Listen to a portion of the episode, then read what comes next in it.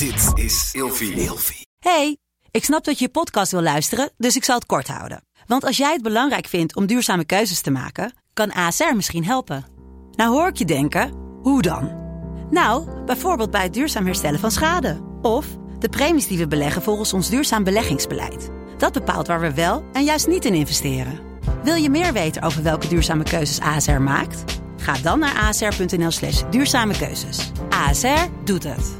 Zo, dan kan je nu lekker naar je podcast luisteren. En als je dan nog in die piek zit van die adrenaline en, Ja. en eigenlijk al een beetje geïrriteerd naar zo'n melding gaat, omdat je denkt van joh, we maken die mensen zich druk om. Ik heb net voor mijn leven liggen knokken hè, met, met of een verdachte of, of een patiënt of weet ik veel wat. Ja. Ja, dat kan niet. Nee. Want je kan nooit die mensen eh, kwalijk nemen dat jij in die piek hebt gezeten. Want, want hun probleem is minstens voor hun gevoel net zo groot als dat jij dat probleem net hebt gehad waar je, waar je vandaan kwam. Dus ook daarin moet je weer op nul beginnen. Eh, En natuurlijk ga je dan wel in bemiddeling en, en dat komt allemaal wel goed. Maar je, je kan niet tegen die mensen zeggen van joh, weet je, eh, loop niet zo te janken dat, jij, eh, dat je buren een, een vuurkorf aan hebben. Dat kan niet.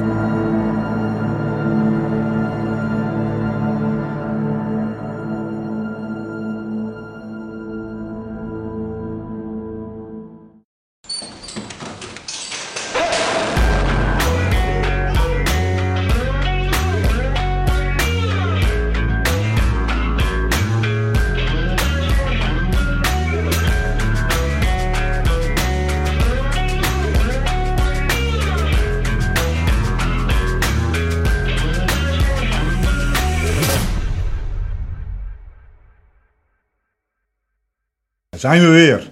Ja, Jut en Jul naast elkaar op niveau. We hebben Kijk er weer één op de korrel, maar lees natuurlijk even. zo, die zijn tieners. Godverdomme. Hé, hey. dat niet alleen. Oh, deze even via de zijkant. Kijk, kijk, kijk, kijk. Hop. Bam.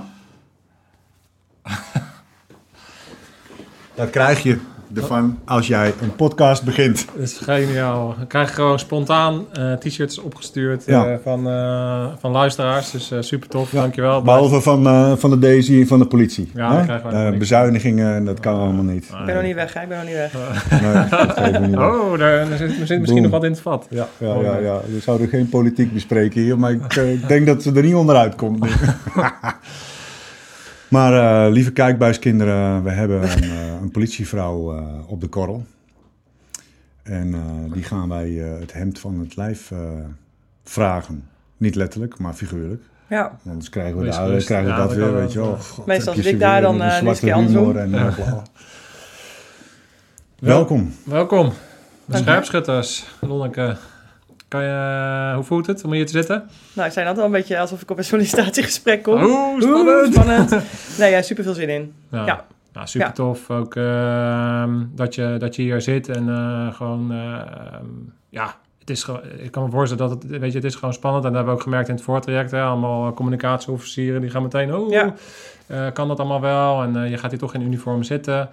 Ehm, dus dat, dat geeft aan eh, ja, dat, dat je ja, daar durf, eh, moed voor nodig hebt om op deze manier hier te gaan zitten. Dus heel veel respect daarvoor allereerst. Sowieso. Ja, dankjewel. Dus, eh. En, eh, en, eh, en we gaan het vooral hebben over, over jou. Ja, als persoon, als politieman, of Ja. vrouw in dit geval. En eh, wat het met je doet en eh, wat jouw ervaringen daarin zijn. ja dus dan want- hebben we meteen eh, iedereen gerustgesteld. Hm? Precies. Nou ja, ik bedoel uiteindelijk eh, inderdaad gaat, gaat het rustig, maar we gaan zo meteen nog Ja. vinnige grappen maken en, Ja. ga ik ga- Ja. en politiek, Ja, ja. bespreken. Einde van de, van de setting ja. ik een vakje invullen, Ja. geschikt, Ja. ongeschikt en dan eh, gaan we Ja, door. Dat is mijn taak. Ja. Ja. Ja, precies. Want de reden dat jij eh, in de lucht bent gekomen, kan je zo misschien... Want jij hebt, eh, jij, jij hebt op een gegeven moment eh, via Instagram, denk ik, of zo, hebben we contact Ja, gekregen. LinkedIn dus, volgens mij, ja. Ja, of Ja. LinkedIn. LinkedIn Ja, ja, ja. En ehm, eh, ja, wat, wat dan voor jou de reden is dat je, dat je dacht van... nou, dat lijkt me wel tof om daar een keer aan te schuiven. Voor ons, de reden dat, dat het, voor, het gaaf is dat hier een politieagent zit... is omdat we al heel veel afleveringen hebben gehad over het feit van, dat de eh, politiewereld... en met name eh, ehm, eh, gewoon politieagent zijn of gewoon politieagent zijn. Hè? Dus, dus de platte pet, dus niet arrestatieteams of allemaal bijzondere eenheden. Nee, gewoon de basis van de politie zijn. Mhm. Ehm, dat dat zwaar onderschat wordt. Ehm, en wat er allemaal bij komt kijken. En dat dat een hele goede leerschool is voor als je wel bij bijzondere Zeker, ja. groepjes wil komen. Maar dat het aan zich al een beroep is waar je enige waar van alles bij komt kijken. En Ja. dat willen we graag eh, naar voren brengen. Voor onze luisteraars eh, en kijkers. eh, van, eh, en met jou gaan bespreken wat je allemaal meegemaakt. Ja. Hoe je in het leven staat, hoe je in het werk staat. En eh, hoe, je daar, hoe je met moeilijke situaties Ja. omgaat. Tof. Dus, Dus ehm, ja, kan jij eens vertellen? Want jij eh, bent natuurlijk uiteraard een grote fan van deze podcast, of niet? uiteraard, ja. Ik ben eh, in aanrak- aanraking gekomen met jullie podcast via een, eh, een kennis die ik in het verleden heb ontmoet. Die eh, stuurde mij via Instagram het linkje door van, joh, heb je dit al gezien? En, en met name de eerste aflevering met Erwin, in, ja, die licht hij uit. Ja. Ik ben aan het gaan luisteren en dat raakte me eigenlijk al vanaf de eerste minuut. En niet omdat ik ambitie heb om bij een Mariniers te gaan of bij een arrestatieteam, maar omdat ik vind dat het gewoon heel erg in de basis ligt. En of je nou wel of niet die ambitie hebt, ik vind al dat de podcast je kan helpen in van hoe sta ik in het leven, hoe ga ik met bepaalde situaties om en hoe kan ik voor mezelf hierdoor een weg vinden, waardoor ik misschien mentaal wat sterker word en wat, wat krachtiger in het leven sta. En dat kan voor iemand zijn die in de burgermaatschappij eh, een, een baan heeft, maar ook dus in, in ons geval hè, bij Defensie of politie. Ja. Ehm, het, het past ook bij me, de, de manier van belichting past bij mij. Ik, ik, ik, ik deel die visie en, eh, en eh, wel die jullie daarin eh, naar voren halen. Kan je specifiek noemen wat je, wat je dan raakt in, in die visie? Wat bedoel je dan precies, concreet? Eh, dat je dus eh, hard moet werken om iets te bereiken en dat het voor niets de zon opkomt. En dat je, je kan inderdaad, eh, ik weet nog wat Rodney dat zijn, eh, met je gordijnen dicht in een, in een hoekje van de bank gaan zitten huilen. Of je staat gewoon de volgende dag weer op en zegt van kom, we gaan er weer voor. En de ene dag gaat dat op een, een 4, de andere dag op een 9. Maar weet je, niks doen is geen optie. Ehm, dat raakt mij. En, en welke elementen, die pak ik er dan wel uit in die podcast. Dan denk ik van ja, weet je, zo heb ik het ook gedaan. En dat kennelijk werkt dat dus voor mensen. Dat, dat helpt mij. Dat helpt mij de dagen doorkomen. Dat helpt mij om weer bewust te zijn van waar sta ik vandaag? Wie ben ik nou eigenlijk? Doe Ja. ik het wel goed of, of zijn er nog verbeterpuntjes? Ja, dus dat reflecteren en spiegelen, Ja, waar we het ook regelmatig over hebben. ja. Eh, en dat eh, eh, kan je je voorstellen dat als jij in het dagelijkse werk zit, dat dat wel eens vergeten wordt, omdat er zoveel gebeurt. En de dagen zo voorbij vliegen, dat je dan, dat, dat- je moet daar elke dag weer bewust van zijn. Klopt. Om, omdat, ja, om je daarvan bewust te zijn Ja. dat je dus eh, daarmee bezig moet zijn. En zeker, precies. En zeker in, ja, als je een rustige dienst hebt waar relatief weinig in gebeurt, ehm, dan ga je heel snel, eh, zit je heel snel in de relaxmodus. Ja, dan denk ik, als, en wat Erwin ook zegt, van ga altijd ergens in, worst case scenario, denk na, eh, pak dingen op. Dan denk ik van, ja, weet je, ook, dat is voor mij ook weer even een reset. Ik denk van, oh ja, ehm, het is niet met twee vingers in mijn neus dat dag doorkomen als ik een rustige dienst heb. Nee, het is ook, ook dan scherp zijn, ook dan blijven scannen, ook dan zien wat er gebeurt. Ja. Ja, dat zijn wel, ja, voor, mij- voor mij werkt dat. ja. Ja. Nou, super tof. Ja, hey, en, ehm, kun jij eh, eens in vogelvlucht eh, jouw, eh, jouw politiecarrière eh, Ja. vertellen? Ik eh, ben in 2003 eh, begonnen aan de politieopleiding. Ehm, ik eh, had daarvoor wat, wat eh, creatieve opleidingen gedaan. Ik, ik wilde gewoon heel graag eh, ja, tekenen. Alleen de opleidingen moest ik ook Nederlands leren en wiskunde doen. En dat was niet eh, heel erg op mijn lijf geschreven. Ehm, in de klas zat een, eh, een jongen die echt ambitie had om, eh, om bij de politie te gaan. Die had ik eigenlijk op dat moment niet, niet zo. Ik zat op papiertje en ik dacht, oh, dat is wel leuk. Dus ik heb dat ingevuld, het procedure gedaan en aangenomen. en, ehm, ja, en, en eigenlijk redelijk onwetend eh, aan, aan die opleiding begonnen. Ik ben naar voor verhuisd, van het oosten naar, naar het ja, noordwesten van, van Nederland. Dus ik kwam en in een nieuwe leefomgeving, op mezelf voor het eerst, een politieopleiding in. En ik denk het eerste jaar heb ik eh, meerdere malen met mijn koffers eh, klaargestaan om eh, mijn beltje erbij neer te gooien en weer terug te gaan naar mijn ouders. Zo, dus dat zegt wel wat. Mhm. Ehm, uiteindelijk door weten te zetten. vier jaar opleiding na vier jaar afgerond. Ik ben opgevoed in politieopleiding in een relatief rustig gebied. Ehm, in het noorden, no- noordwesten, dus Bergen, Egmond, Schorrel, die hoek. Ehm, dat is daar veel stilstaan. Maar als het dan gaat, dan moet je ook wel echt heel hard hollen. En in die periode reed er één auto. Dus de backup die je had, eh, als die moest komen, kwam uit of Alkmaar of Schagen misschien wel als je geluk had. Eh, en dat duurde gewoon eventjes. Dus ik, ik werd getraind om eh, heel zelfstandig met mijn collega met wie ik toen dienst deed op te treden en na te denken van oké, wat, wat, wat voor gevolgen gaat het hebben als we op deze manier eh, stappen en hoe snel hebben wij eventueel backup als dat nodig is. Ja. Nou, na die opleiding heb ik een uitstapje gemaakt naar eh, Den Helder. Daar werken we in een heel relatief klein gebied met veel meer eh, collega's in die periode op straat. Ehm, dus de hele bejegening van het politiewerk was daar heel anders. Dat, dat heeft mij best wel veel energie gekost om, eh, om daarin te schakelen. Vond ik moeilijk ook. Ja. En uiteindelijk van Den Helder naar Heerdegewaard gegaan. Dus een dorpje wat naast uh, Alkmaar ligt. En in 2012 ben ik overgestapt naar de uh, meldkamer. Tegenwoordig operationeel centrum. Uh, daar heb ik zes jaar gewerkt. daar ben ik multidisciplinair opgeleid als calamiteitencoördinator. Afkorting uh, CACO. Dat is bij jullie anders Oh, geloof ik. Wat, wat, wat, betekent dat? Uh, uh, calam leek? Ja, calamiteitencoördinator is op het moment, uh, laat ik een makkelijk voorbeeld nemen, er is een, een, hele grote brand waarbij uh, je een brongebied hebt en een effectgebied. En dat kan nog verder uitbreiden, maar laat ik, laat ik het hierop houden. Dan komt daar een, een, een groep uh, naartoe uh, vanuit politie, brandweer uh, en de GOR of de GGD, dus de ambulance zeg maar. -huh. maar ook de gemeente en eventueel liaisons van, ik noem een Liander, misschien wel NS Spoor, ProRail, net wat je nodig hebt op dat moment. En die voeren overleg met elkaar om planvorming te creëren om hoe zo'n bron- en effectgebied aan te pakken. Mhm. Alleen eer dat zo'n vergaderbak op zo'n plek staat um, en alle eenheden vanuit hun eigen discipline worden aangestuurd, vergt dat wel enige structuur. En in dat eerste, ja, vaak het eerste half uurtje, drie kwartier, uh, werkte ik dan vanuit die meldkamer om ervoor te zorgen dat die structuur werd gecreëerd. Dus orde, orde in de chaos. Ja, precies. Ja. Orde in de chaos. Dus wat hebben we? Wat weten we? Wat, wat voor risico's hebben we? Hè? Worst case, uh, uh, real scenario en ja, het, het meest mooie scenario. Uh, wie hebben we ervoor nodig? Zitten we allemaal in dezelfde melding? Weten we van elkaar wat we aan het doen zijn? Waar we staan? Staan we niet in de rook? Nou, ik kan het zo gek niet bedenken. En uh, ja, dat was mijn eerste half uur dan. Uh, dat is een beetje hetzelfde als bij ons, hè? Lekker ja. relaxed. Was ja. gewoon lekker relaxed. Super weet relaxed om te doen. Ja, ja, ja, ja. En ik... Het bivak is pas een feest als er een kako is geweest. Ja, precies. een beetje, ja. ja. Zonder kako. Zonder kako. Geen, uh, geen orde. Ja, precies. Ja, precies. Geen nou, controle. Zijn we ja. weer. Ja, daarom. Weer een verbinding gemaakt. Weer een verbinding, ja. Dus uh, nee, on ontzettend veel in passie. Dat is zeker waar, ja. En, en zeker op zo'n meldkamer. Hè. Ik, ik, ik, uh, ik heb daar een hele andere kant van politiewerk leren kennen. Uh, misschien komen we daar later in de podcast nog wel op terug. Daar leer je echt de voorkant van die meldingen kennen. Zeker als je als centralist het blauwe politieproces een 1 en 2 melding gaat aannemen.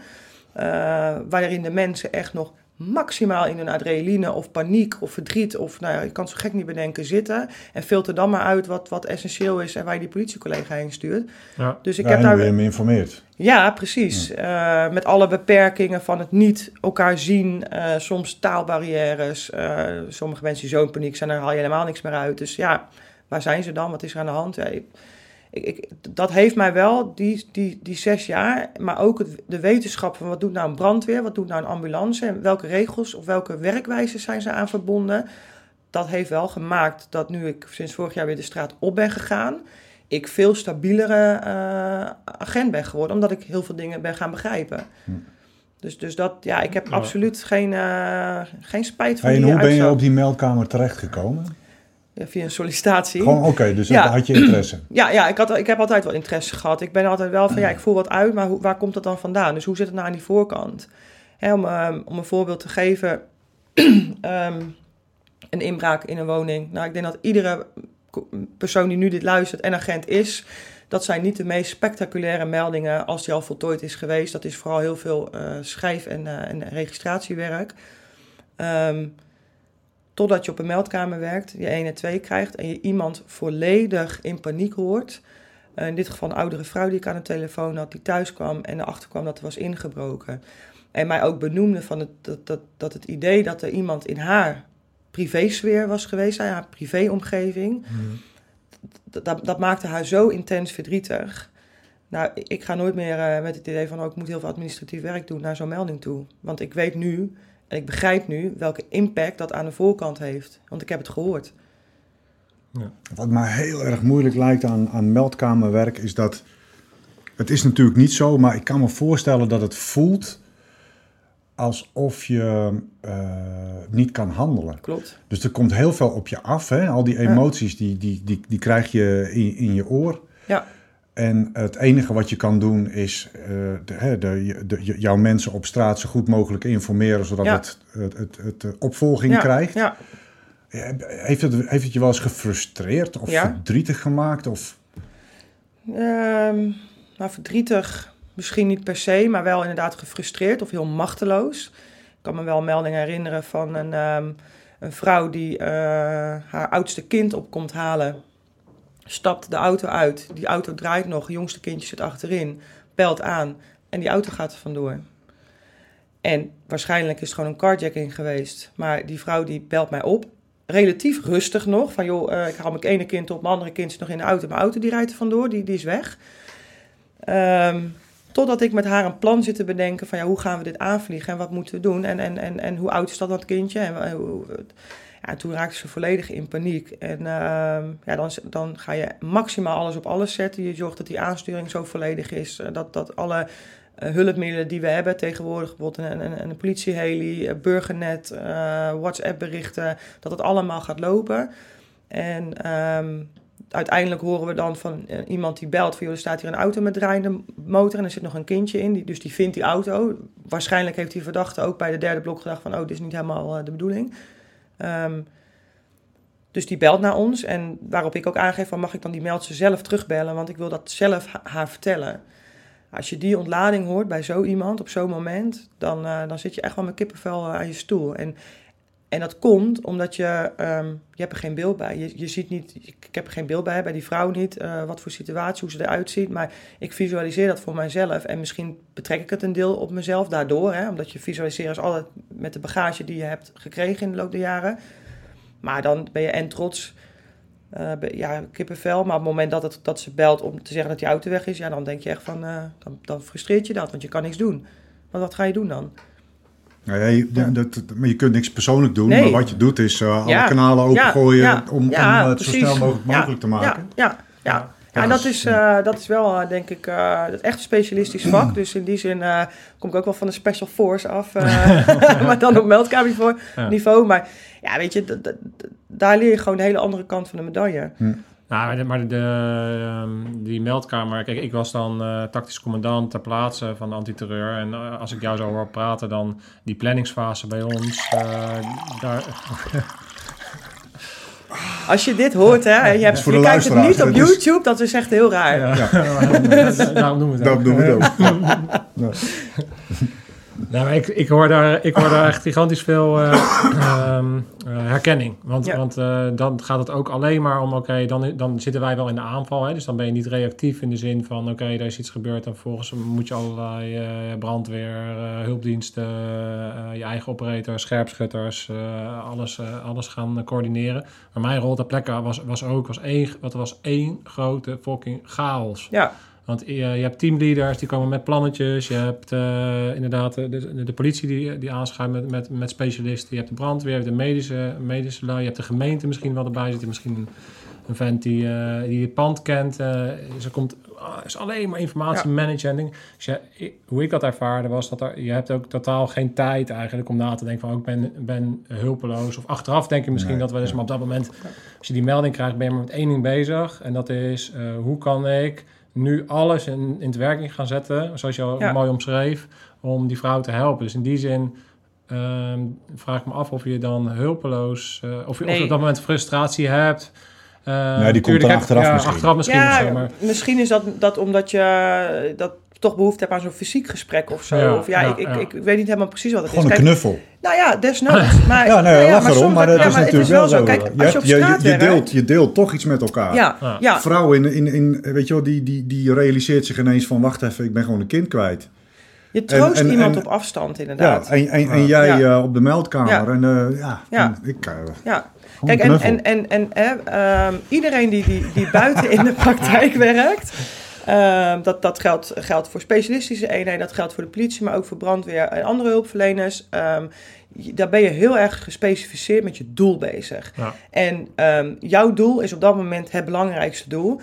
Uh, A, omdat je niet beter weet. En B, uh, omdat dat gewoon jouw taak is. Weet je? Mijn taak is om iemand te helpen. Dus als ik iemand, hè, bij wijze van spreken, in het water zie, zie spartelen van help, ik kan niet zwemmen, dan is mijn doel, ik duik erin en ik haal die persoon uit dat water. Ja. Maar misschien heb ik helemaal geen reddingszwemdiploma en kan ik wel aardig zwemmen, maar heb ik helemaal geen kaas gegeten van hoe ik iemand uit het water haal met, met alle paniek eromheen. Ja. Terwijl die brandweerman die naast me staat, die heeft dat misschien wel. Mm. ik heb dat geleerd om, om naast me te kijken en aan hem te vragen van... joh, eh, kan, kan jij reddingszwemmen, wil jij het doen? Want ik ben niet zo goed daarin. Dat heb ik op de meldkamer geleerd. Omdat ik daarmee ga begrijpen wat de taakstelling ook is van andere disciplines. Daarvoor was ik ook het water ingedoken, absoluut. Dan ga ik ook de rook in, dan ga ik een brandend pand in zonder mondkapje om iemand eruit te redden. En misschien doe ik dat nog steeds wel, maar nu wel met de wetenschap van... Zij hebben een brandweer en pakka, ze hebben zuurstofmaskers op. Misschien is het handiger dat zij uh, het pand ingaan. Ja, je bent nu gewoon uh, veel completere politieagenten. Ja. ja. wat ik even interessant vond, wat je vertelde, even helemaal weer terug hoor. um, is toch het, het, het, vormen van jou. Dus je bent uh, creatief en je bent een beetje lekker aan het freewheelen. En je denkt, Ja. nou, ik ga lekker politieagent worden. want ik moet, politieagent. moet, toch, moet toch wat doen. Ja, Uh, zo, zo kwam het een beetje over. Zal misschien nee, ja nou ja, zo is het eigenlijk in het zijn. begin wel, wel gegaan. Niet, ik had totaal geen idee waar ik aan begon, echt niet. Nee. Maar, maar wat ik dan grappig vind, is vervolgens ga je dan opleiding beginnen. En dan heb je inderdaad een paar keer met je koffers gestaan van nou, uh, fuck dit, ik ga lekker wat anders doen. Ja, Ik ga weer tekenen. Um, maar als je nu 16 jaar later, denk ik, Ja, dan 16 jaar, 16 jaar later terugkijkt, ben je, uh, ja, ben je een hele complete uh, politieagent. Heb je heel veel meegemaakt Ja. en heb je heel veel ervaring. Ja. Um, dus je bent uit het juiste hout gesneden, laat ik het even daarop ja denk wel, ja. En um, ja, kan je ons meenemen naar dat moment? Waarom stond je daar met, met de koffers en hoe ben je daarmee omgegaan? Uh, op het moment dat je dus uh, aan iets begonnen was wat, wat uh, uitdagingen met zich meebracht. Ja. Ja, ik ben denk ik sowieso geen opgever. ik ben wel echt, ja, ik ben wel echt een vechter. Dus um, dat, dat gevoel um, van echt je, letterlijk je koffer inpakken en, en, met je sleutel voor, voor je deur staan. Om te zeggen van nou, ik stop ermee, ik ga terug naar het oosten. ik had gewoon moeite met, met alles bij elkaar, weet je. En een opleiding waar ik eigenlijk helemaal geen voorbereidingen had gedaan van wat, wat is dat dan precies wat we gaan doen en wat, wat komt er op mijn pad af. B, kwam ik in een totaal andere cultuur binnen Nederland, uh, in westerse wereldje zeg maar, waar ik helemaal, ja, waar ik echt wel even aan moest wennen van pas ik hier tussen. Dus, dus kwam, weet je, ik woonde als eerste voor mezelf, dus ik moest iedere dag gaan nadenken, wat moet ik nou weer eten? Uh, dan moet je jezelf nog een beetje gaan vermaken. Ik kende niemand, dus ik had ook totaal geen uitvals, uh, of, of noem je dat, een klankbord of zo, met iemand met wie ik kon praten. Dus ja, dat, dat, ik was 19, dus uh, wat weet ik nou van de wereld? En op dat moment denk je dat je alles weet, hè? Ja. Maar je weet helemaal niks. Je, je gaat dat doen. Als je, als je nu terugkijkt, wat zou je dat meisje willen adviseren? Wat zou je willen zeggen tegen dat meisje? Ja, tegen dat meisje, ja. ja Met die sleutels in de Met sleutel in de handen. Van, ja, ja, weet je, uh, denk nou gewoon eens een keer, ja, ik denk gewoon een keer gewoon goed na wat je, wat je doet en bereid je voor op dingen. Dus weet wat je te wachten staat. Dat je dat, je dat wilt en denkt van, oké, okay, ik vind het leuk. Hè. Um, ik merkte wel in mijn, in mijn um, jeugd dat ik ik hielp graag mensen. Als een ongeluk was gebeurd, dan, dan liep ik daarin en dan ging ik handelen. En, en, dat, dat, dat, dat zat, wel, zat wel goed. Maar wat is dan eigenlijk politiewerk en wat doe je dan? Ja, de, en je komt in een klas met, met, met jongens die, die uit de, weet je, van de Kamar kwamen... of inderdaad van, van een Corps of uit het leger... die, die al jaren al wat gedaan hadden, die waren wat ouder... Ja, en, en die gingen jou ook in één keer aanspreken op gedrag. Dat was ik helemaal niet gewend. Ik had altijd een grote bek in, uh, in het oosten en iedereen luisterde naar mij. Ik werkte in de kroeg en ik was daar de baas. En, en nu was te denken van ja Marlon, uh, dat doe je niet goed. En uh, je moet niet zo zeuren. Dan kan je, kan je weet je, loop niet zo te janken en ga weer door. En ik had echt zoiets van, wow, wat, wat, wat gebeurt hier allemaal? Dus, dus ja, dat, dat vond ik in het begin wel even pittig. Hoe, hoe ben je daar dan mee omgegaan? Met de kritiek en op het moment dat je dus inderdaad merkt van, hé, hey, ja. hoe, hoe heb, kan je... Ja, jeetje. Dat is wel lang geleden. Ja, gewoon iedere dag weer opstaan en denken van we doen het maar weer. En, uh, en uiteindelijk denk ik dat ik wel een, een, of twee gasten uit mijn klas... die inderdaad, wat, die kwamen allebei vanaf de marechaussee... Uh, dat ik die apart naar me toe heb getrokken en ook heb gezegd van... joh, help me alsjeblieft. Okay, ik, heb, dat, ik heb je hulp nodig eventjes nu. Dat, dat, dat, dat, dat ja. is iets wat, ehm, wat heel belangrijk is. Ja. Want je hebt misschien het gevoel in zo'n beginperiode dat je helemaal alleen staat. Ja, zeker. Maar, maar ja. uh, er is helemaal niks mis mee, dus om nee. hulp te vragen. Ja, ja. Ja, en, en, en uiteindelijk groei je daarin, weet je. Dit was de eerste drie maanden school, wat je nog helemaal niet op straat gestaan. Vervolgens ga je de straat op, ja, sta je daar voor het eerst in zo'n uniform. Nou, iedereen die kijkt naar je, begint te zwaaien, weet je wel. Je voelt je net zo naar, naar toen de tijd koningin Beatrix zo op een koets die voorbij uh, waggelt. en uh, weet je, en uh, dan ga je uh, iemand aanspreken op gedrag en dan krijg je in één keer een hele grote bek. En denk je van, oké, okay, ik ja, volgens mij doe jij iets wat niet, niet mag. En ik, het is mijn taak om daar wat van te vinden. Dus, dus ja, dat. En, en stapsgewijs leer je daar uiteindelijk wel in, in rollen. Maar dat heeft, dat heeft tijd nodig. Ja. Ja, dat is wel, dat is wel een hele interessante. Omdat ik daar laatst ehm, nog wel met iemand, ik weet niet meer, een gesprek over had van... Oh ja, en ik kan ook wel met, met Erwin Beek noemen dat ook. Dat incompetent, eh, weet ik veel, autoritair of... eh, nee, weet ik veel. Maar, maar, maar optreden soms eh, best wel lastig Nou, is. je Je, hebt- je- je moet je- zo kunnen schakelen van... Ja, moet je altijd soort van wow, vol erin gaan. hè, eh, terwijl iemand zat eh, te wildplassen, ik noem maar even zo'n Ja. zijstraat. Ehm, ten opzichte van Ja, Erwin- eh, echt Erwin- gevaarlijke situaties. Ja. En Erwin benoemde dat als, hè, je kunt autoritair optreden, waarschijnlijk vanuit incompetentie. Ja. ja, dat was het. Of als een autoriteit optreden door Precies. competentie. Ja, precies. En Ja. dat is in het begin denk ik heel moeilijk, omdat je dus merkt, oh, ik krijg een grote bek. En dan ga je misschien veel te grof. Op een gegeven moment kan dat, je moet daar een soort eh, balans in vinden. En Ja. je merkt, eh, dat zullen we allemaal wel eens herkennen, dat je een keer wordt aangehouden omdat je eh, links verkeerd bent voorgesorteerd. Iets wat heel erg onbenullig is en dat er een politieagent aan je deur komt. Zo, eh, meneertje, Ja. hè, wat, Ja. wat denk jij er Ja. allemaal niet van? Ja. Dat je denkt van, is dat dan nodig, weet Ja. je wel? Ehm, eh, Ik heb altijd, eh, als, als, als ik aangesproken word door, eh, door de politie, nee, ik heb heel vaak zoiets van, joh, dit kan anders. Ja. Ja, wat, wat vind jij daarvan? Als, als, als we net zeggen, wat zie jij en hoe, ben Ja. jij, hoe, heb- hoe heb jij zelf je weg erin gevonden om aan de ene kant dus politieagent te zijn, hè, want je bent er nou eenmaal om, om de grens te bewaken, en aan de andere kant ook die, eh, die balans te houden. Lijkt me zo Ik moeilijk. heb dat ik, dat ik bij de politie kwam, ehm, altijd wel twee dingen met mezelf afgesproken. Ik heb altijd wel een heel groot recht, rechtvaardigheidsgevoel gehad. Ehm, maar ik heb met mezelf ook afgesproken, je gaat iedereen met, met, op die manier behandelen zoals jij zelf behandeld zou willen worden. Ja, Ehm, en dat is nog tot op de dag van vandaag mijn drive. Dus ik denk, eh, ik, ik ben van nature natuurlijk eh, wel, wel een leider, denk ik. Ik kan wel vrij makkelijk op een hele natuurlijke manier iemand aangeven van, joh, dat, dat moet jij nu doen. Mhm. Eh, nou, zo'n gesprek voer je natuurlijk ook op, op straat, want je wil iets van een burger. Of het nou een bekeuring is die je wil geven, of oh, en die burger vraagt van, joh, wil je achter het lijntje gaan staan? Hè? Of misschien heb je wel hulp nodig van die burger, maar je, je wil iets van hem. Want daardoor ga je het gesprek aan. ja. Eh, maar wel op de manier van, van op dezelfde manier zoals ik bejegend zou, zou worden. Dat is mijn drijfveer altijd geweest. ja.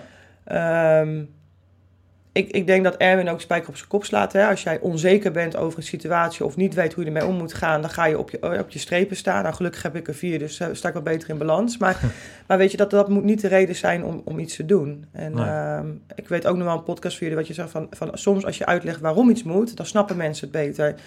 Maar Ja, ik, ik denk dat je daar heel veel mee bereikt. Leg soms dingen uit. Of, of waarom gebeurt het nou zoals het, als het gebeurt? En hoe, hoe, eh, maar dus, dus dat, is een, dat is een proces, dat ligt een beetje aan persoonlijkheid. Ja. Het ligt ook aan competenties aanleren en een stukje ervaring opdoen. Ja. Eh, jij bent nu een van de ervaren mensen. Hoe gaan jullie om met jonge mensen? Hoe, hoe, hoe gaat dat binnen de cultuur? Kan je daar iets over vertellen? Ehm, ja, ik denk dat iedere collega ehm, of iedere politieagent aan die collega meegeeft wat voor hem of voor haar belangrijk is en wat zijn of haar visie is in het werk. En dat loopt nogal uiteen binnen de politieorganisatie.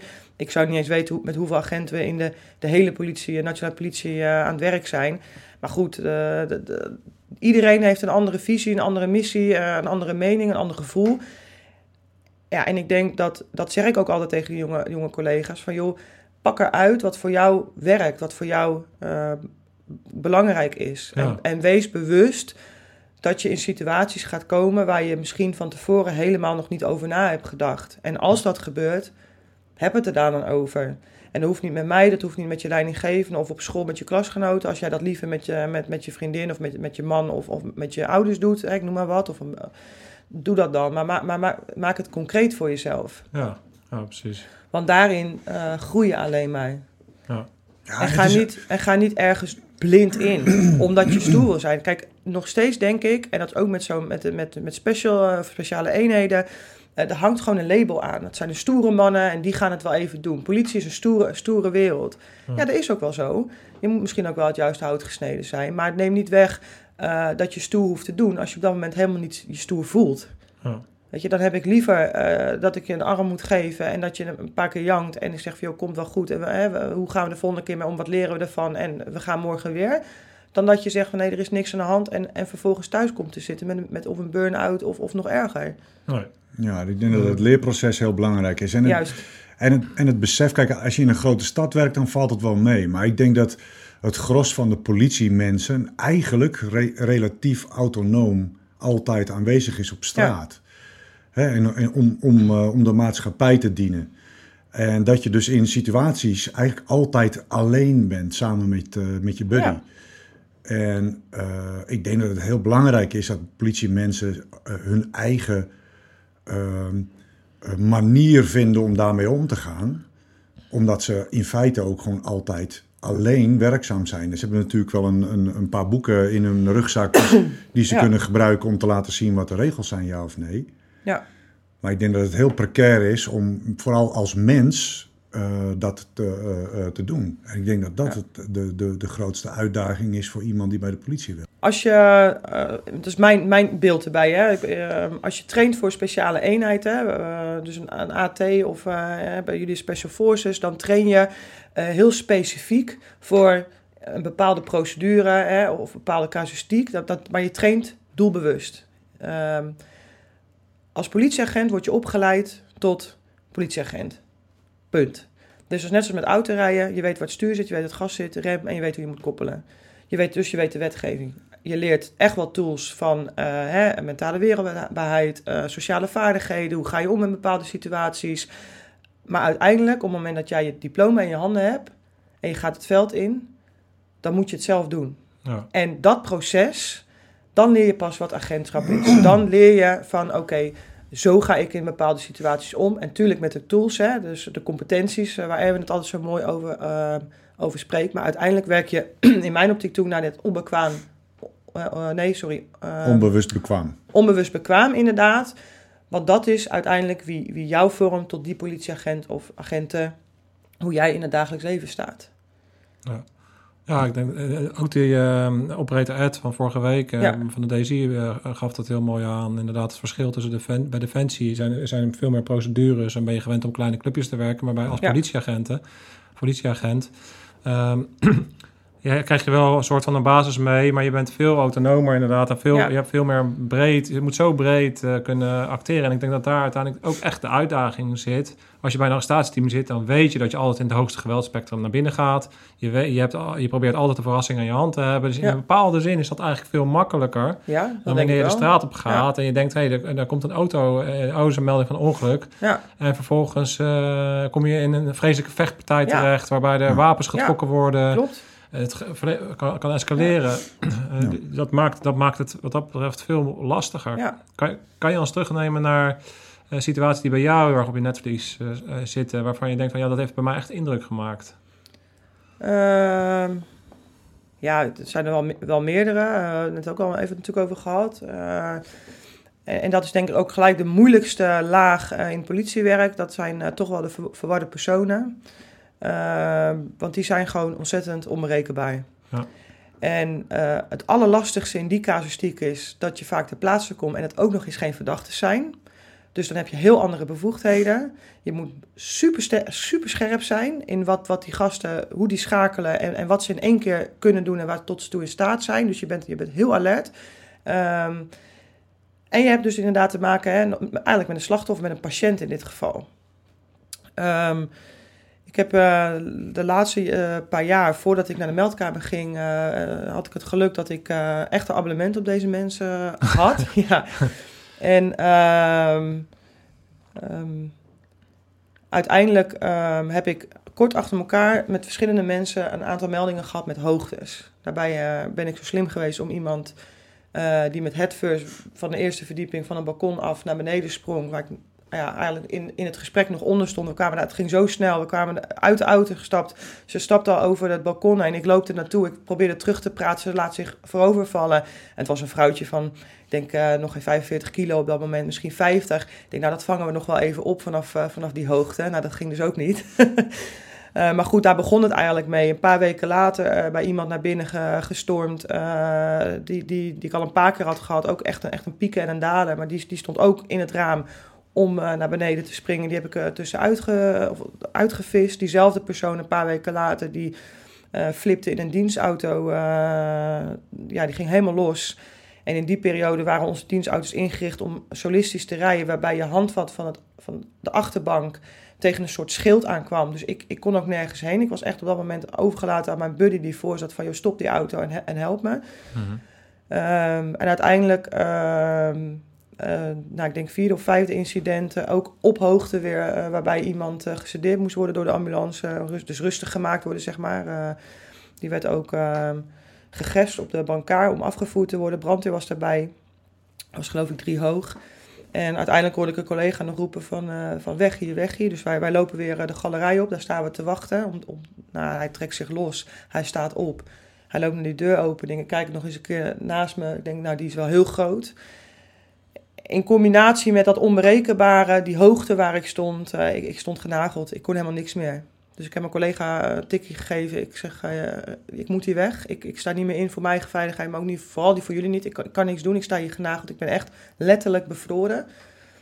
Um, hij kwam net terug van vakantie, had totaal geen idee wat ik de afgelopen weken had, uh, had meegemaakt. Hij heeft daar heel, heel adequaat op gehandeld, noodknop ingedrukt van ik heb hier een collega die moet nu weg, ik wil daar een nieuwe voor terug. Het is heel snel gegaan. Ik, ik, wat daarna precies is gebeurd, weet ik ook helemaal niet meer precies. En toen heb ik ook even gezegd van jongens, pff, even, even een paar weken niet dit. Mm. Ja, en dat, dat heftig. Ja. ja. Ik, ik, kan me nog herinneren, wij hadden natuurlijk binnen het AT de gestoorde procedure. Ja. Dat was juist voor voor mensen die uh, een gevaar voor zichzelf en voor een omgeving waren, om die in ieder geval uh, te kunnen consolideren. Ik weet nog dat wij een keer uh, naar een inrichting werden, mo moesten. Er was een man met een psychose en die, die, had, die had een hele badkamer. Had hij met zijn hoofd, had hij alle tegels had hij van de, met zijn hoofd. Hè? Dat je denkt van, voor mij is dat met een bijtel en een hamer al lastig had hij uh, van de wand afgetikt. En die was, nou, dat, dat was dan zo uh, heftig geweest voor hem ook, dat hij uh, knockdown in, in, die, in, in die badcel lag. Oké, ja. En die is toen ook op een brancard vastgemaakt. Ja. En toen zijn we met twee, dat besef hadden we nog van, nou, laten we maar twee man met die ambulance meesturen. En die, die lag op de brancard, vast. En die ging gewoon zitten? Ja. Die brak gewoon die hele, hele, die hele systeem ja. van die, van die brancard, ja, die, die, die, trok, die trok je mee ja. omhoog. Ja. En die, hebben, die zijn gewoon nog in die ambu met die, met die vent aan de slag gegaan. Het is echt gigantisch wat daar gebeurt. Maar ja, wat je zegt, weet je, dat soort mensen zijn, uh, zijn wel patiënt. Ja. En, uh, Officieel mag je daar geen geweld tegen gebruiken. Je moet wel, Uh, uiteindelijk ga je wel in die verdedigingsstuk. Je kan het allemaal wel verantwoorden, maar in de basis is het geen verdachte. Je mag ze niet boeien eigenlijk. En, uh, want dat, dat, dat, zo staat het niet in de wet. Nee, oké, okay, maar je mag een geweld gebruiken ja, om een doel nee, te bereiken. Ja, tuurlijk. Nee, helemaal eens. Van, maar, maar dat zijn, dat zijn wel even beschermen. dingen waar je af en toe over na moet denken. Andere mindset. En, uh, ja, dat, dat, ja, ja. Want dat, dat rugzakje met al die beperkingen die, die meedraagt, is altijd heel makkelijk. En, uh, om te oordelen over politieoptreden. Ja. Maar wat er allemaal achter schuil gaat, achter een bepaalde situatie... en waar, waar je dan allemaal rekening mee moet houden... is natuurlijk heel lastig. Ja. En weet je, en, en, en dat is ook, weet je, dat is het leuke, vind ik, van politiewerk, maar ook iets waar, waarvan ik ook zeg tegen de nieuwkomelingen van, van wees daar bewust van. Dat, dat is, dat, op dat moment sta je dat te doen. Nou, ik, ik ken die scenario's die jij nu schetst ook, hè. Zelfs met mensen die, die, die, die inderdaad de hele badkamer verbouwen met hun eigen hoofd en dan nog zelf naar de ambulance lopen van moet ik hier gaan liggen. Die, die, die gaan, zijn gewoon niet kapot te krijgen. Inderdaad, je, je, je, je of je vecht voor je leven, weet je wel. Um, ja, en dan ga je met vervolg en dan... Uh, krijg je een nieuwe melding uh, van uh, we hebben een burenconflict, uh, want de vuurkorf staat aan. Ja. En de buurvrouw of de buurman heeft met een tuinslang de vuurkorf uitgesproken. ja, sta je daar weer. Sta je daar weer, ja. ja en, ja. en dat is wel even weer... En, dan, en als je dan nog in die piek zit van die adrenaline... En, en eigenlijk al een beetje geïrriteerd naar zo'n melding gaat... omdat je denkt van, joh, we maken die mensen zich druk om. Ik heb net voor mijn leven liggen knokken... Hè, met, met of een verdachte of, of een patiënt of weet ik veel wat. Ja. Nou, dat kan niet. Nee. Want je kan nooit die mensen uh, kwalijk nemen...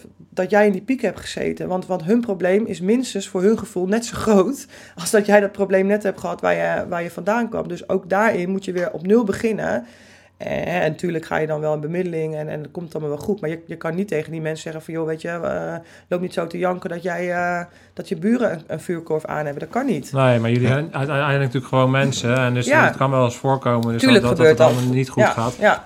Heel even terug naar die... Uh, uh, naar die situatie dan specifiek die je benoemde, dat, dat, dat je op een gegeven moment merkt, mijn grenzen zijn hier. Hoe, hoe is daarmee omgegaan binnen de cultuur, binnen je collega's en hoe heb je daar zelf mee gedeeld uh, om, en wat heb je ervan geleerd van zo'n situatie?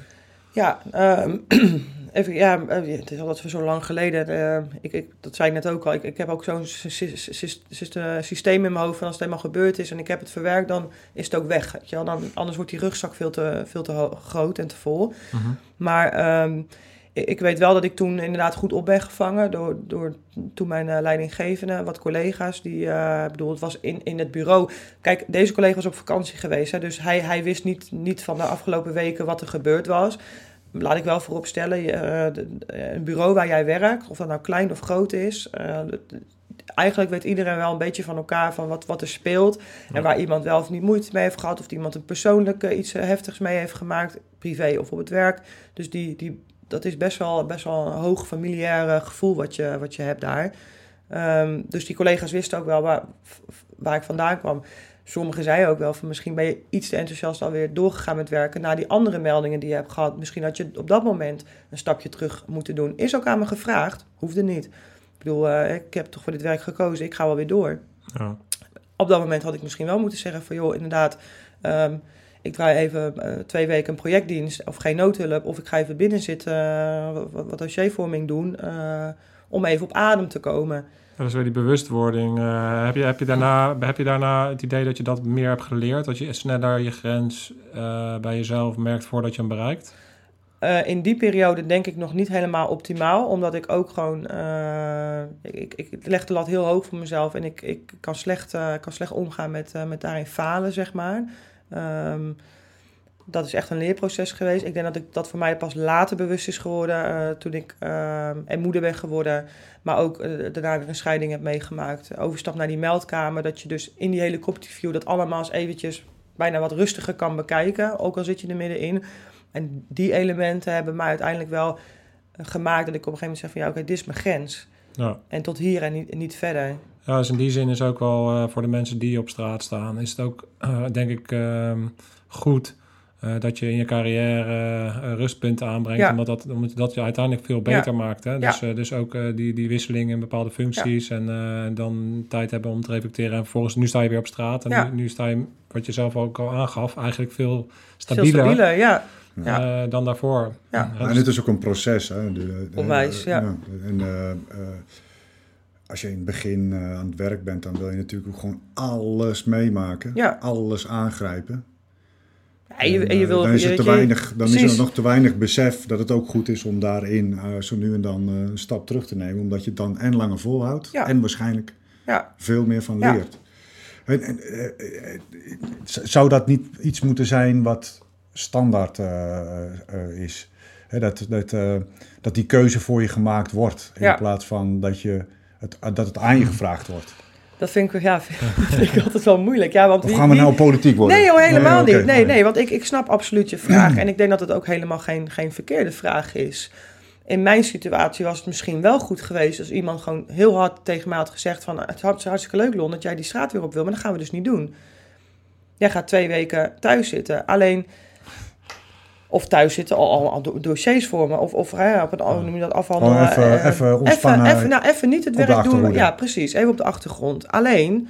ehm, het, ja, ehm, als dat tegen mij was gezegd, ja, ik bedoel, ik zou, ik zou, ik zou me niet ziek melden of zo, maar, maar dat, dat- ik kan ook wel begrijpen als collega dat echt niet wil, dat hij zegt van, ja, maar dat ga ik niet doen, dan ga ik liever ziek thuis zitten. Ja, Ja. dat wil je ook niet bereiken. En ik denk dat je ook, het, ook nog eens een keer... Uiteindelijk moet die verantwoordelijkheid bij de persoon liggen, want die kent zichzelf het best. Ja, Want ook, ik denk namelijk dat het ook averechts kan werken op het moment dat je iets spannends hebt meegemaakt en je grens hebt bereikt Precies. en vervolgens wordt er van afgehaald. Dan Ja. wordt die stap om er uiteindelijk weer In te komen, ja. wordt veel te groot. en, en, en dat vind ik dan, weet je, dat, en dat vind ik, dat, dat is zo moeilijk bij dit werk. Je, je, maar je kan ook niet zeggen van, nou weet je, dan, dan draai ik wel gewoon eh, die, die, die noodhulpsurveillance, die prio, prio 1, 2, 3 meldingen.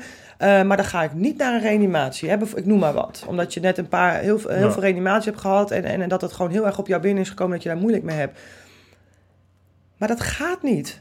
Want als ik vervolgens, ook al zit ik op een projectauto, hè, dus, dus dan rijd ik niet, niet specifiek alleen op die meldingen, maar iemand zie ik op de grond vallen en die moet gereanimeerd worden, dan kan ik natuurlijk nooit tegen de burger zeggen Nee, van ja, nee, nee, maar weet dat, je, is- dat is ook niet wat ik bedoel. Nee, nee, maar, nee, maar dat precies. Dus dat, dat is gewoon. eh, ik, ik denk dat het belangrijke is van, van luisteren naar die eh, persoon. Eh, we hebben het bedrijfsopvang van team. eh, tegenwoordig heet dat team collegiale ondersteuning, TCO. ehm, die, die, die zullen ook altijd een, een dag of twee dagen na zo'n melding contact met je opnemen. Van hoe is het nu met je? Die, die, die, die proeven dan wel eventjes van, ja, ben je er nog onrustig van of kan, kan je ermee dealen?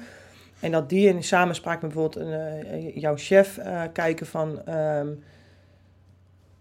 wat, wat is nu passend? Wat, wat kan ik voor jou doen om jou te helpen? Wat kan je voor jezelf doen? En wat werkt voor jou? Ja. En ik denk dat dat... dat en, Mhm. en hè, dat je zegt, je kent jezelf het beste. ehm, ik vraag me af of ik mezelf, toen ik twintig was, mezelf wel echt goed kende. Ja, dat is ook waar. Dus, dus dan, dan komt het heel erg aan. Wat we, wat we heel erg bij de mariniers hadden, was heel, heel erg die verdeling tussen kaderleden, oud en ervaren Ja. en de jonge gasten. En dat we ook wel gewoon wisten van ja, die jonge gasten die vliegen er altijd in. Die willen altijd drie keer zo hard dan dat nodig is. Ja. En dan heb je een beetje die remming vanuit de meer ervaren kant. En, en, en dat, dat spanningsveld, hè, dat, dat kan, eh, dat is die dynamiek die je nodig Ja. hebt. En dat is denk ik bij jullie ook Ja. net zo, toch? Ja, ja en, en ik blijf er ook gewoon bij. En, en dat is gewoon van, je bent wel verantwoordelijk voor je eigen stuk. Ik hoef mezelf niet goed te kennen, maar ik kan me wel te degen bewust van mijn eigen eh, mijn verantwoordelijkheden dragen voor mijn eigen ontwikkeling. Ja. Ehm, ik denk dat dat het belangrijkste is, dat dat eruit getrokken wordt. En dan zeg ik, oké, wat welke verantwoordelijkheden ga je dan nemen? Of, of draag je? Of welke stappen kan ik ondernemen om dan daarin beter te worden of daarin beter mee te leren omgaan? Hè, ik bedoel, ja, ik, ik ben bevroren. Dat is een heel naar gevoel als je midden in een operatie staat. Ik heb het gelukkig nog kunnen benoemen. Dus ergens kon ik het nog Ja, je hebt wel Eh, gehandeld eigenlijk. gehan ja, handelen Ja. op dat punt. Ehm, maar ik heb wel ook, weet je, uiteindelijk moet ik er wel een manier in vinden dat dat me niet nog een keer gebeurt. Nou, want dat is, dat is, dat is een, eh, ik heb daar het antwoord niet op hoor. En- Nee, niemand, maar denk het- ik. dat is natuurlijk wel zo dat eh, al die ervaringen die indruk maken, die bouwen zich langzaam Ja. op. En het is een emmertje wat eh, ja, vol loopt. Ja. En als jij tijdens het vollopen van het emmertje en, en weer in een ervaring terechtkomt die, die jou eigenlijk acuut op, op, Ja. op topniveau moet laten presteren, met name mentaal en, en als het moet ook fysiek. Dan eh kikt dat extra hard in. Ja. En, dan, en dan krijg je dat je op een gegeven moment eh, niet meer kunt handelen. Nee, En als je in dat niet handelen eh, was aangevallen door, eh, door, door die gestoorde vent, dan, dan, eh, nee, dan had, je, had je zeker ziek thuis gezeten. dat denk ik wel, ja. ja. En waar ik naar op zoek ben, is. Ik kan mij ook heel. hè, hè, dat, ik, en ik spreek nu vanuit mijn eigen ervaring ook. Ik kan me heel goed voorstellen dat het gros van de mensen die bij de politie werken. dit soort situaties diep in hun hart ook wel een beetje willen. Want dan ga je echt aan de bak. Ja, Dan zit je niet op je luie reet koffie Ja. te drinken, te wachten tot er Nee. een melding. Nee, dan, Nee. dan, en dan heb je iets om over te vertellen. Dan Ja. heb je iets om, om eh, dan heb je iets meegemaakt. Letterlijk. Dan heb je een situatie waar je het verschil ja, kan maken. ja, ik bedoel, ik denk dat je gaat ook niet bij het leger om nieuwe uitzending te gaan. Nee, maar, Ja. maar, maar, maar het, is, het is maar net hoe, die erv- hè, de, eh, hoe, hoe dat door Ja. jou ervaren wordt. Ja. En die ervaring is, als je het mij vraagt, nooit heel erg bewust. Nee, Het is altijd een onbewuste ervaring die je onbewust met je meedraagt, die je ergens een keer zichtbaar gaat worden. Ja. En dan ga je of bevriezen of, of je, je, je, je gaat eh, helemaal de andere kant uit. Ja. En, dan, en dan ben je volgens mij net even dat stapje Ja. te ver gedaan. Mijn vraag was van... Hè, nou, en ik zei van, eh, hè, zou het niet fijn zijn als iemand gewoon zegt van... eh, jij, jij bent eh, deze week even binnen. ja, En om die reden. ja. Ja, ik, ik, maar ik- hoe kan ik iemand anders dat zien dan? Nou ja, zien, eh, dat is voor iedereen anders. Alleen het is een onbewust proces. Dus als je het maar zo laat, dan is het dus iets wat altijd zal zijn. Ja, En het, en het uit zich eigenlijk op het moment dat het al te laat is. Dus moet je veel meer aan Ja. de front gaan zitten en Ja. een andere ik vraag me af... coping moet eh, eh, hebben met dit soort situaties. Als organisatie. Dus niet als individu, maar als organisatie. Maar die onberekenbaarheid is denk ik bijna onmogelijk om het bij jezelf al te weten. Ik noem maar even een zijstraat. Kijk, uiteindelijk eh, maak je als eh, een mens maak je bepaalde dingen mee. En je weet vaak niet eens wat voor een soort trauma's, even tussen haakjes. Hè, dus wat voor dingen je hebt meegemaakt die kunnen invloed kunnen hebben op een manier waarop je nu niet eens, nu niet eens meer van bewust bent. Nee. Hè, dat kunnen hele gekke dingen zijn. Ik noem maar wat, wordt aangevallen door een hond als klein kind. Vervolgens zie je de kleur rood en vervolgens ben je bang voor de kleur rood. ja, En daar ben je niet eens van bewust van. Totdat je een keer in een situatie komt, je hebt allemaal training gehad, maar je, je komt bij een melding, ligt iemand in vijf stukken op straat die van een, van een vijf hoog eh, gesprongen is en je klapt helemaal dicht. Ja. Ja, je, je, kan dat, je kan dat toch niet. en Dat, dat zijn dingen, daar kan iemand anders al helemaal nooit wat van tevoren over, over vertellen. En, en jij zelf, zeker als generalist op straat, waarbij je dus in zo'n breed spectrum Ja. eh, van situaties terecht kan komen, kan je nooit in, in de training alle aspecten van, van dat werk. eh, gaan- Nee, maar gaan- ik heb het gaan- ook niet. Nee, maar ik heb het ook niet over training, maar ik, het, hè, het- over, een, over een mechanisme in of de cultuur of gewoon in de manier waarop je als organisatie omgaat met je mensen, waarvan je weet dat ze in hele onverwachte situaties terechtkomen, die op een bepaalde manier onbewust heel veel indruk kunnen achterlaten. Ja, En ik denk dat je, hè, nogmaals, het gros van de politiemensen, die wil blijven gaan. Ja. Dus als jij het aan 100 politiemensen vraagt, zullen er 99 zeggen van, nee hoor, niks aan de hand. Klopt. Ja, Snap je? ja ik, snap het heel, ik snap heel goed En, wat je en, zegt. Ja. en dan hoeft er ook niks aan de hand te zijn. Maar onbewust gaat het emmetje wel Ja, vollopen. ja. En ineens, boem, dan is er wel wat aan de hand. En dan, eh, dan hebben we ineens allerlei andere mensen nodig eh, om... Eh, ik heb ook ineens een hele rare associatie. Eh, kijk, in sport is het heel normaal dat eh, op het moment dat je traint, dan breek je eigenlijk iets af. Vervolgens heb je een periode dat het zich weer bouwt en dan gaan je spieren groeien. En dan heb je overcompensatie en dan ga je weer trainen op het juiste moment. En als je dat vergelijkt naar een mentaal vlak, dan heb je eigenlijk, je breekt eigenlijk iets af doordat je dingen meemaakt. Hè. Dus je pulletje raakt vol, je emmertje raakt vol. Maar vervolgens heb je eigenlijk de periode nodig om te reflecteren en om daar wat van te leren. Ja. Om uiteindelijk weer eh, sterker uit te komen. Ja. Als je, als, je dat, als, je, als je alleen maar zou trainen, elke dag alleen maar je, je spieren kapot maken, dan ga je ook kapot. En Ja. mentaal doen we dat ja, eigenlijk wel. ja, klopt. Ja, ja. Dus dat, dat is misschien inderdaad een systematiek. nou dat. Ja. Nou ja, zo, dat ja, is, nee, ja. eens. Hij kan het eh, altijd zo mooi Ja, maken. precies. We we zijn ook zo'n goed team samen. Nou ja, nee, ja, nou, ja, nou ja, goed. Ja, ik dan denk ik dat het voor sommige collega's wel werkt. Ja, Ja, het- het is, het is bij de politie is bijvoorbeeld wel... Maar voor eh, jou niet. Hoor ik je, hoor ik je eigenlijk zeggen. Zij wil gewoon alles nou ja, nee, maar ja, ook dat. Nee, maar kijk, weet je, de politieorganisatie is echt een zo'n ontzettend groot, breed bedrijf. Je kan alles doen wat je bedenkt. Eh, het maakt niet uit wat. Ik kan niet eens alle afdelingen opnoemen en, en dat is er. Dus, ehm, kijk, ik ben een, eh, een, een politieagent die drie, vier jaar en dan ben ik wel weer toe aan iets nieuws, weet je. En dat hoeft niet omhoog te zijn of, of carrière te maken te zijn, maar dan denk ik van, nou, weet je, dan misschien eens een keer eh, kijken bij de recherche of eh, misschien eens een tijdje dit doen of misschien... En, en die mogelijkheden zijn er ook gewoon, hè. Nou, dat is wel tof. Dus dat is gewoon hartstikke tof. Dus, Ja. dus, dus dan is het. Dat kan ook een moment van bezinning zijn. Dat je zegt van joh, ik heb nu hè, d- drie jaar eh, weer op straat gezeten. eh, veel dingen gedaan, veel me- eh, dingen meegemaakt. Maar ik heb nu even tijd om me eventjes te resetten. Dan hoeft dat niet per se in het, in, in, in, het verplicht binnen te zitten. Kan je ook zelf voor kiezen. Je kan ook zelf aan aangeven aan je leidinggever. En zoek dan op. En als de leidinggever ook zegt van ja, misschien is het beter dat je nu niet buiten bent, want het regent klachten over je. Dat kan, als jij eh, je, je emmer behoorlijk vol zit en je hebt een een mega kort je- lontje ja. en, en, en vervolgens eh, ga jij bepaalde meldingen in en iedere week kan je weer bij je chef komen van ja, wat heb je nou weer gedaan met die burger? Ja, Ja. dan denk ik dat zo'n teamchef of een chef op een gegeven moment ook wel een keer moet zeggen tegen je collega van nou, even een tijdje van bezinning, maar zoek dan wel met die collega naar de juiste oplossing en ga hem niet zeggen van joh, maar dan ga jij eh, archiefwerk doen, bij wijze van spreken. Terwijl die collega Dat dat, dat, helemaal dat- niet ligt. Je nee, gek. Ja. Nee, ik bedoel, ik ben, ik ben ook iemand, en dat, dat schrijf ik ook altijd in mijn, in mijn brieven, als ik bijvoorbeeld solliciteer of zo, van, van eh, werk vanuit een kracht van iemand. Want juist omdat we generalisten zijn, oftewel manetje van, van alles, hè, we moeten eigenlijk alles kunnen, maar iedereen heeft een voorkeur, iedereen heeft een talent.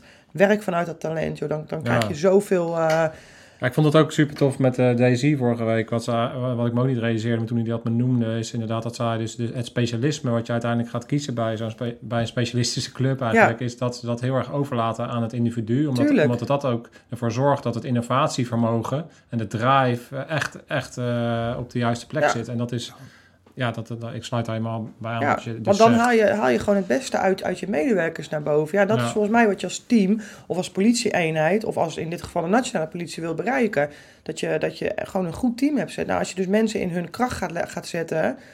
eh, dan werkt dat volgens mij tien keer beter. En ik zeg niet dat ze dan het rest niet moeten kunnen, hè. Dat moet je ook doen. Maar, maar laat ze shinen op, op het punt waar ze goed in zijn. Ja. Ja, ik vind, het, ik vind het een mooie brug naar, uh, naar, naar mijn uh, volgende vraag. Ik ben benieuwd. ja. Gaat er nu wat schunnigs? Uh, nee, nee, helemaal niet. Nee. Eh, dat komt straks. Oké.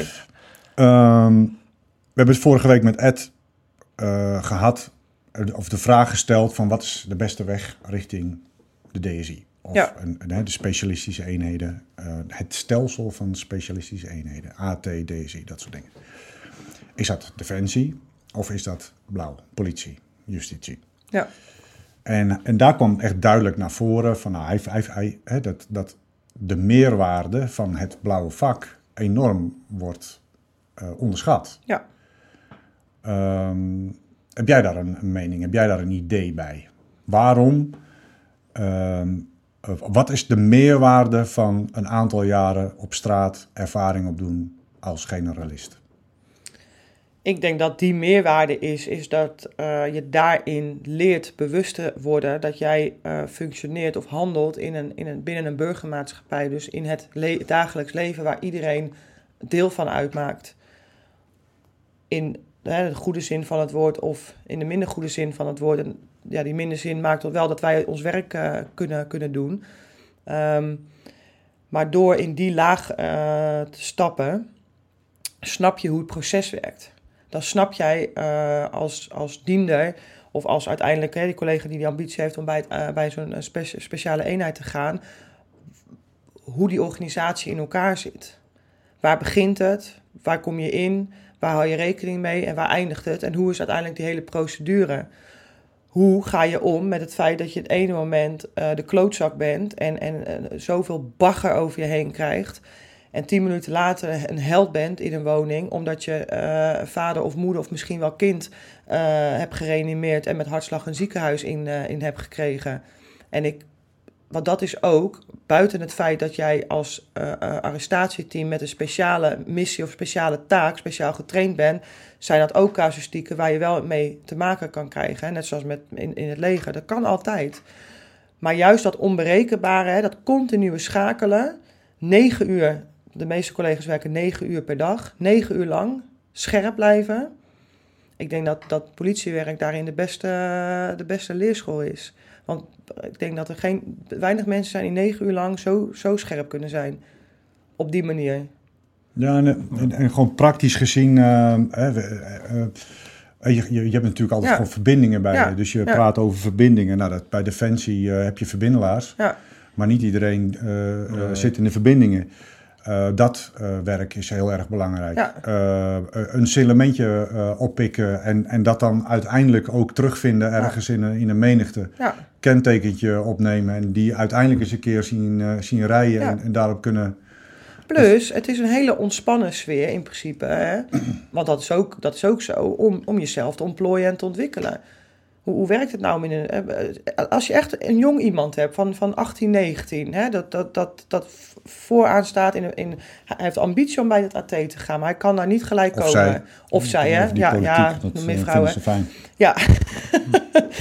Ehm, dan kan je inderdaad leeg ingaan of je kiest voor, voor, voor de blauwe pet. En zeker nu, hè, er worden geloof ik 17.000, eh, ik ga toch een beetje reclame maken, 17.000 man worden er geworpen, eh, of geworven eh, voor de komende periode.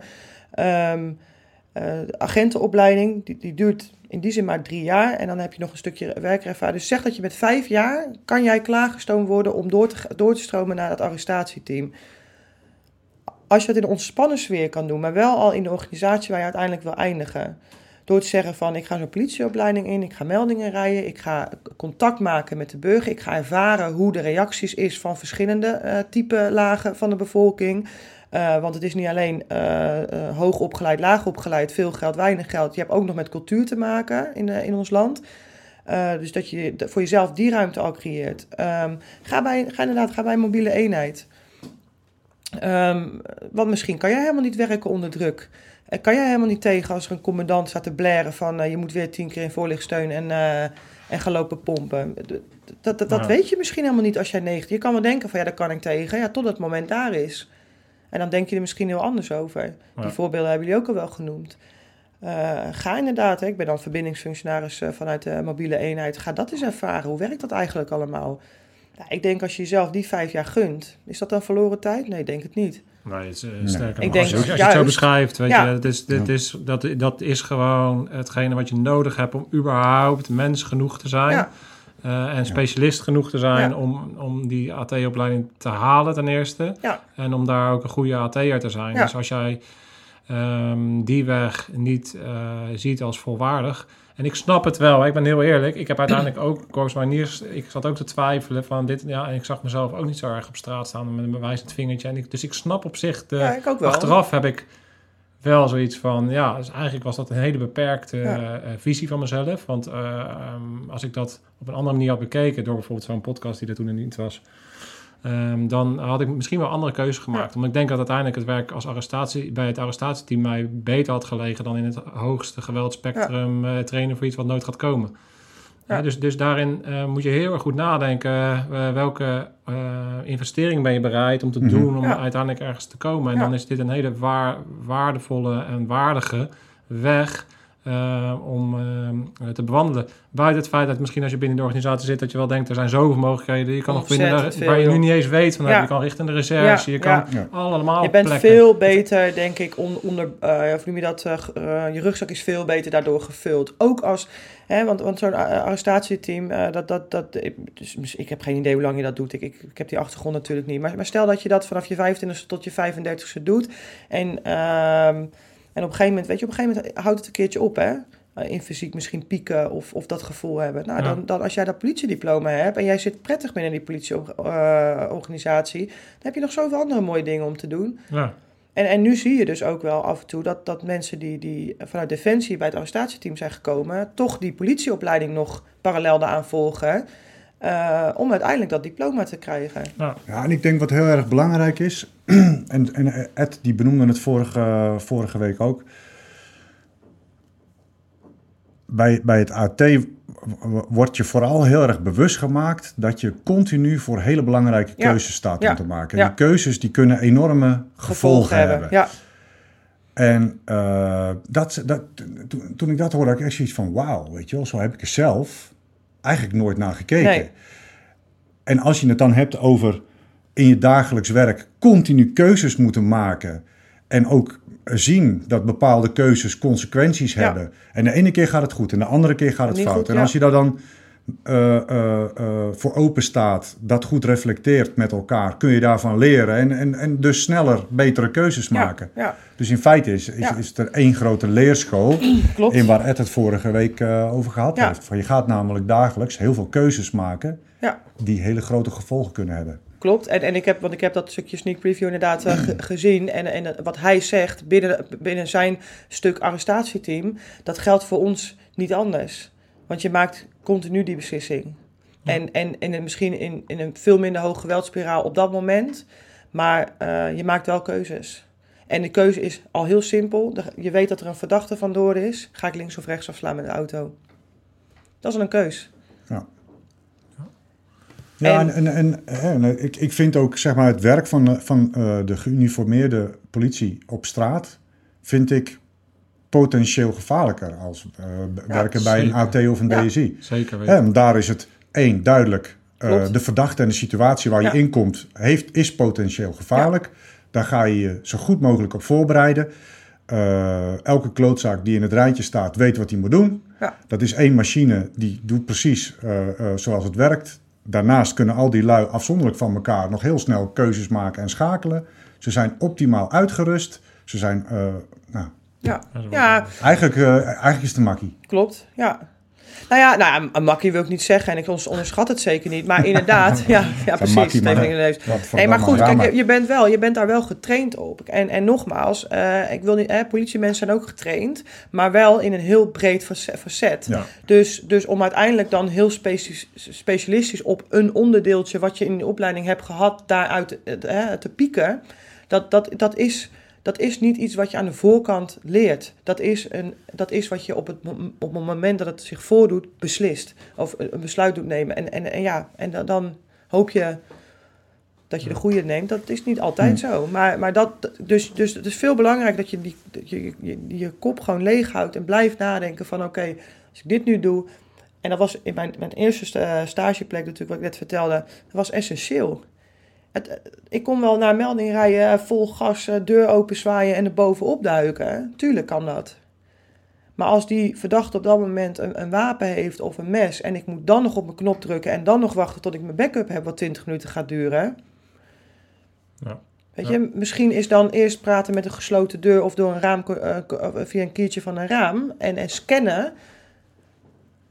Beter. Ja, dat dus betekent je, ontwikkelt ook eh, wat dat betreft een zesde zintuig in die Ja. periode. Weet je, je, je Mhm. hebt zoveel situaties, overal haal je weer kleine Ja. dingetjes uit.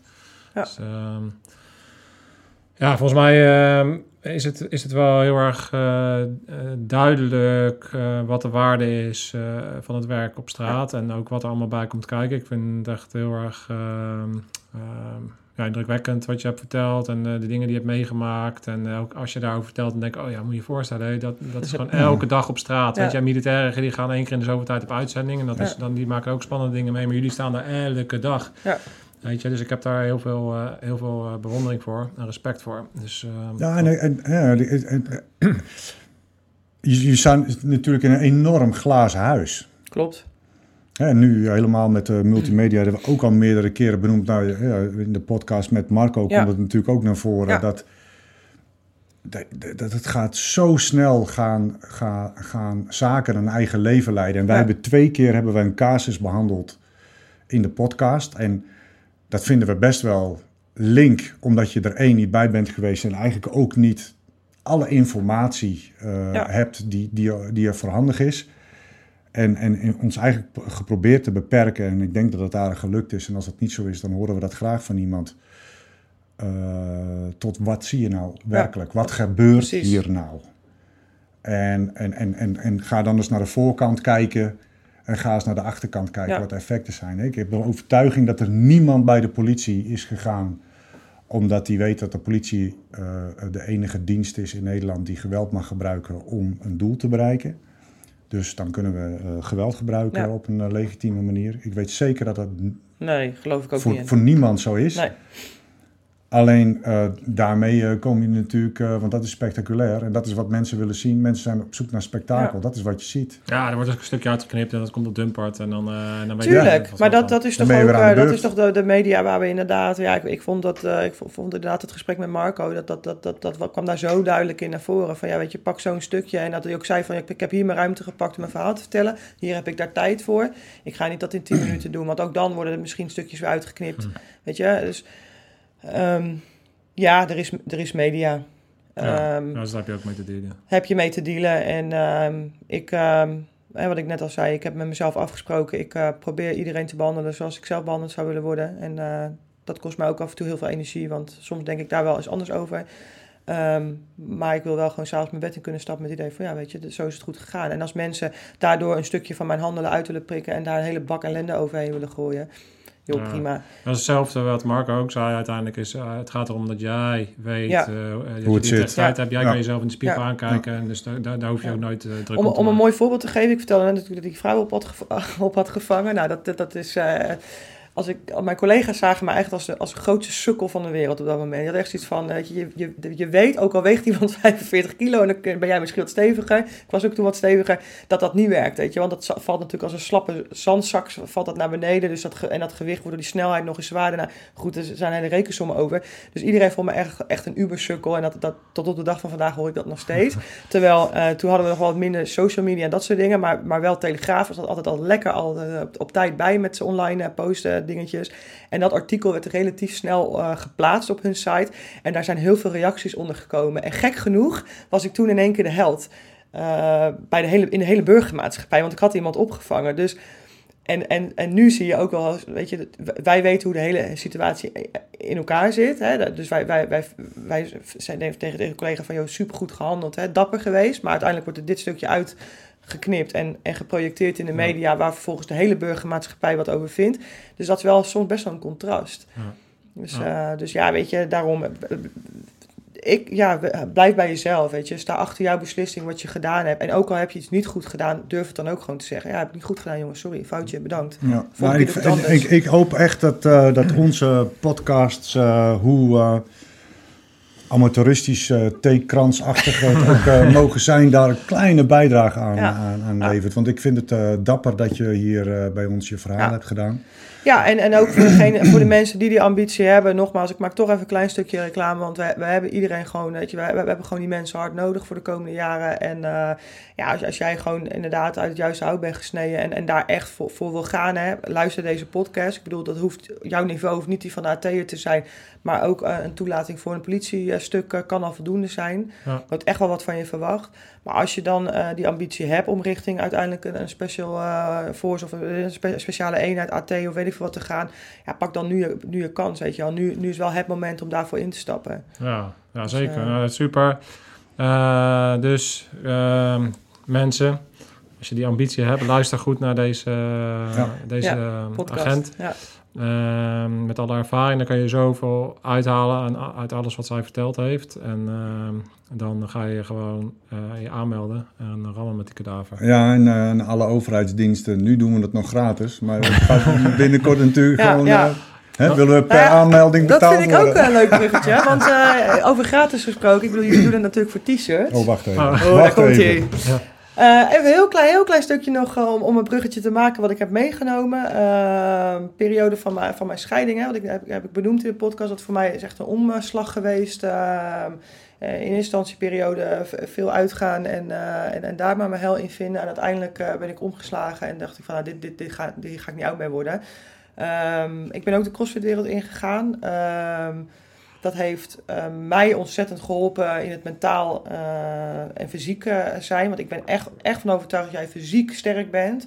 En dus ook dat gevoel hebt van, joh, ik kan dat optillen of ik kan dat aan. Dat werkt, dat, doet iets met je hoofd. Dus, dus ook, ook voor die mensen, ga, ga dat doen. Hè. Dat is in ieder geval voor mij de sport die geholpen heeft. Uiteindelijk heb ik begonnen bij een box, maar ben op een gegeven moment overgestapt naar een andere box. En dan begin je te lachen, want jij weet waar ik naartoe wil, denk ik. Mhm. Want dat zijn twee bekenden van jou. Ja. Eh, ik denk dat ik ongeveer een derde van jouw peloton begin te leren kennen privé. Goeie.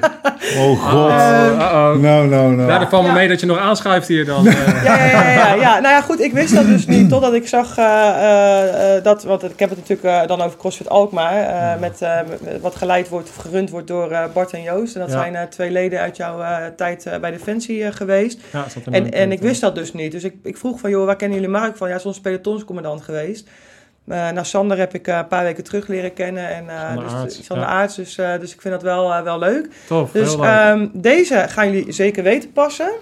Haha. Nou, dat met mijn harses eh, weet je dat maar nooit, hè? Ja, ja, maar goed. Maatje probleem, eh, 62. Ja, precies. Ehm, want Not. ik had natuurlijk ook t-shirts, alleen eh, we liepen vast op, eh, op, de, op de maten. Eh, eens. Mark, ik denk dat jij dat S'jes eh, als een naveltruitje prima past. Ja, ik ben gek om En, eh, naveltruitjes. bij deze nodig ik je dan ook een keer uit om je naveltruitje eh, een, een workout mee te komen doen. Oké, nou, dat vind, ik, eh, dat vind ik cool. Heel tof. Huh? Dus ja. Oh, zijn we helemaal in tenue. ik weet niet wat Erwin hiervan vindt. Ja, sorry Erwin, maar eh, Nee, maar. Ja, ik denk dat hij een beetje kort wordt, maar joh, hij zat je hartstikke goed. Kijk eens Kijk, even. kijk, kijk. jongen. Bam! Oh, hier. Zo, check die borstkas, ga ik niet normaal. Huh? Ja, Volgens ja. mij moeten, moeten we wisselen, man. Ja, joh, en, nou, joh, en anders, eh, volgens mij heb jij eh, nog vast wel een kleine waar eh, die het past. Alles Maar, eh, gezegd. Alles gezegd. Dankjewel dat je hier was. Graag gedaan. Echt, eh Zit echt. Yo, yo, yo. Dit zijn hele bijzondere scherpschutters. We gaan, eh, wij gaan uit. We gaan eh, de rapstudio in. We Zo is gaan even een track opnemen. Dan moet je het zo doen, toch? Zo. Baasjes. Scherpschutters. Uit. Uit.